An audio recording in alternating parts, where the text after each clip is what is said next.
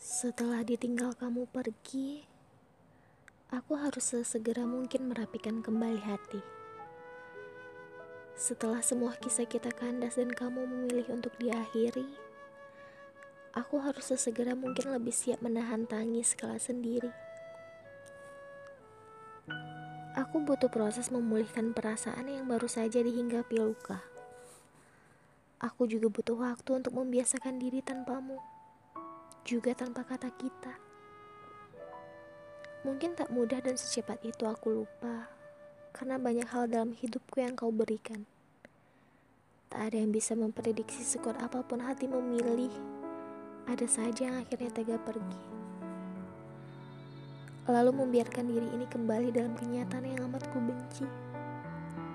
Namun, bagaimanapun juga kamu tetaplah kenangan yang terus tetap ada kamu tetaplah kesakitan yang hinggap dalam dada. Sesulit apa pun aku menjauhkanmu, nyatanya aku harus selalu saja mengingatmu. Saat ini, melihatmu hanya bisa dengan jarak. Memperhatikanmu juga harus dengan keterbatasan. Karena tak mungkin lagi aku ada dalam setiap kegiatanmu. Tak mungkin lagi aku ada dalam setiap waktumu yang selalu membuatku rindu. Aku sadar perasaan untukmu masih saja utuh.